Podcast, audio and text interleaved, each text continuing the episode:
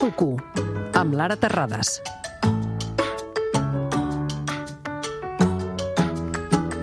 I avui un tema recurrent que ens ha arribat, que són els grups de WhatsApp de les famílies, que desborden algunes famílies. Lara Terrades, benvinguda. Hola, gràcies. És un tema que he sentit moltes queixes també, perquè en realitat jo crec que el que fem és mal usar-los en lloc d'usar-los amb el bon sentit, no? Uh, jo sentia unes mares parlar, que són amigues meves, que deien coses com, per exemple, el meu fill eh, va a futbol i el grup oficial i després el grup extraoficial. Llavors hi han converses i té dos fills. Per tant, de futbol només, només de futbol té quatre grups de WhatsApp, no? Clar, és molta informació, jo crec que estem en l'era de la sobreinformació, de la infoxicació, i que a més a més hi ha un mal ús perquè també el que jo veig és que els grups de WhatsApp i tota la comunicació virtual ens ajuden a vomitar, és a dir, acció-reacció. Em diuen una cosa, pum, responc al moment. I clar, si això tinguessis a la persona davant, la meva pregunta és, ens atreviríem igual de contestar allò amb aquella reacció i amb aquella quedant tan panxa, no? Com que estem perdent la cosa de mirar els ulls i estem molt acostumats i acostumades a comunicar-nos a través d'aquests grups i llavors es sobrecarreguen d'informació i hi ha molta cosa innecessària.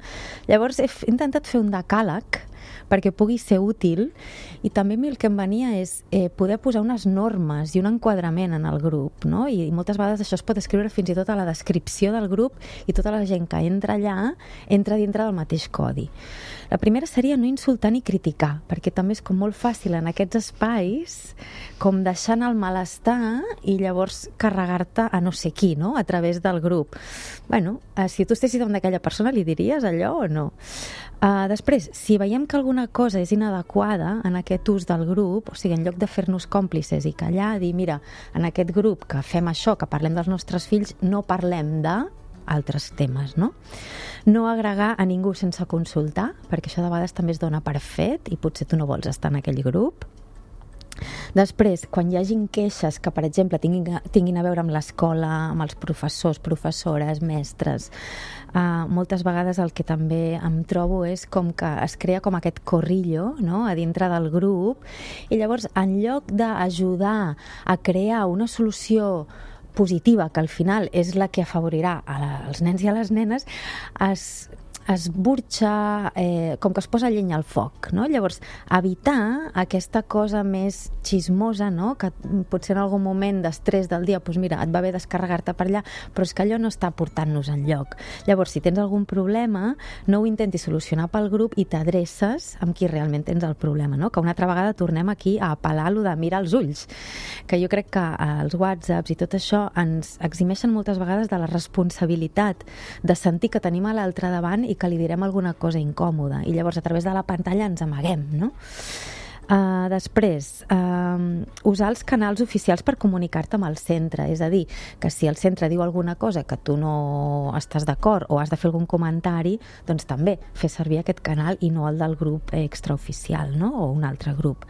I aquest per mi molt important, escriure informació rellevant quantes mm, informacions eh, brossa ens arriben, no? quant de soroll eh, en forma de vídeos, d'acudits o potser difusió, coses que no hem demanat i que estan en els grups. I això el que fa per mi és com embrutar i d'alguna manera embrutar en el sentit visual i en el sentit eh, qualitatiu del grup. Llavors, cada vegada que jo entro en el grup, si em trobo amb alguna cosa que veig que no és interessant, perdrà la credibilitat del grup i el deixaré de mirar, potser, no? Um, evitar també els àudios, això també m'ho deia una altra amiga, no? És com, hi ha gent que t'explica la vida amb un àudio, bueno, doncs potser no tens tant de temps i també de vegades ens sobrecarreguem de tota aquesta informació a través de l'àudio, no? Doncs els grups poder només escriure Després això, evitar accessos. Estem a l'era dels accessos, amb la informació, amb tot, i com que estem eh, plens i plenes de moltes coses. Una amiga mare l'altre dia m'ensenyava que li havien ensenyat d'una li havien enviat d'una festa d'aniversari a uh, 185 fotos de, que van al seu fill, no? Clar, no és necessari arribar a aquest punt, no? Com plantejar-nos l'accés de la informació. Eh, o, per exemple, unes altres em feia molta gràcia que deien sí, quan ja li han fet el visum del regal, visum fet, visum fet, visum fet. És com que hi ha informació que no cal dir, perquè has de pensar que tot allò li arribarà a molta gent. O sigui, com poder tenir aquesta empatia. Uh, una altra cosa, evitar reaccions automàtiques, que ja ho he dit al principi, que jo crec que això és un treball psicològic que ens va bé a totes i a tots, que en lloc de reaccionar al moment i respondre, poder deixar una miqueta de temps.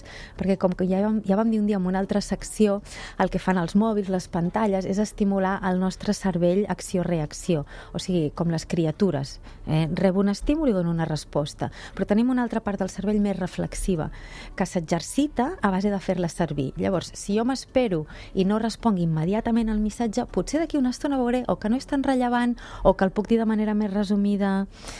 I amb això relacionat, fomentar l'espera i el silenci, que també ens costa molt, no? perquè les pantalles ho tenen tot immediat, ara i aquí, i poder estar en aquest lloc com més observador i potser d'aquí una estona respondré.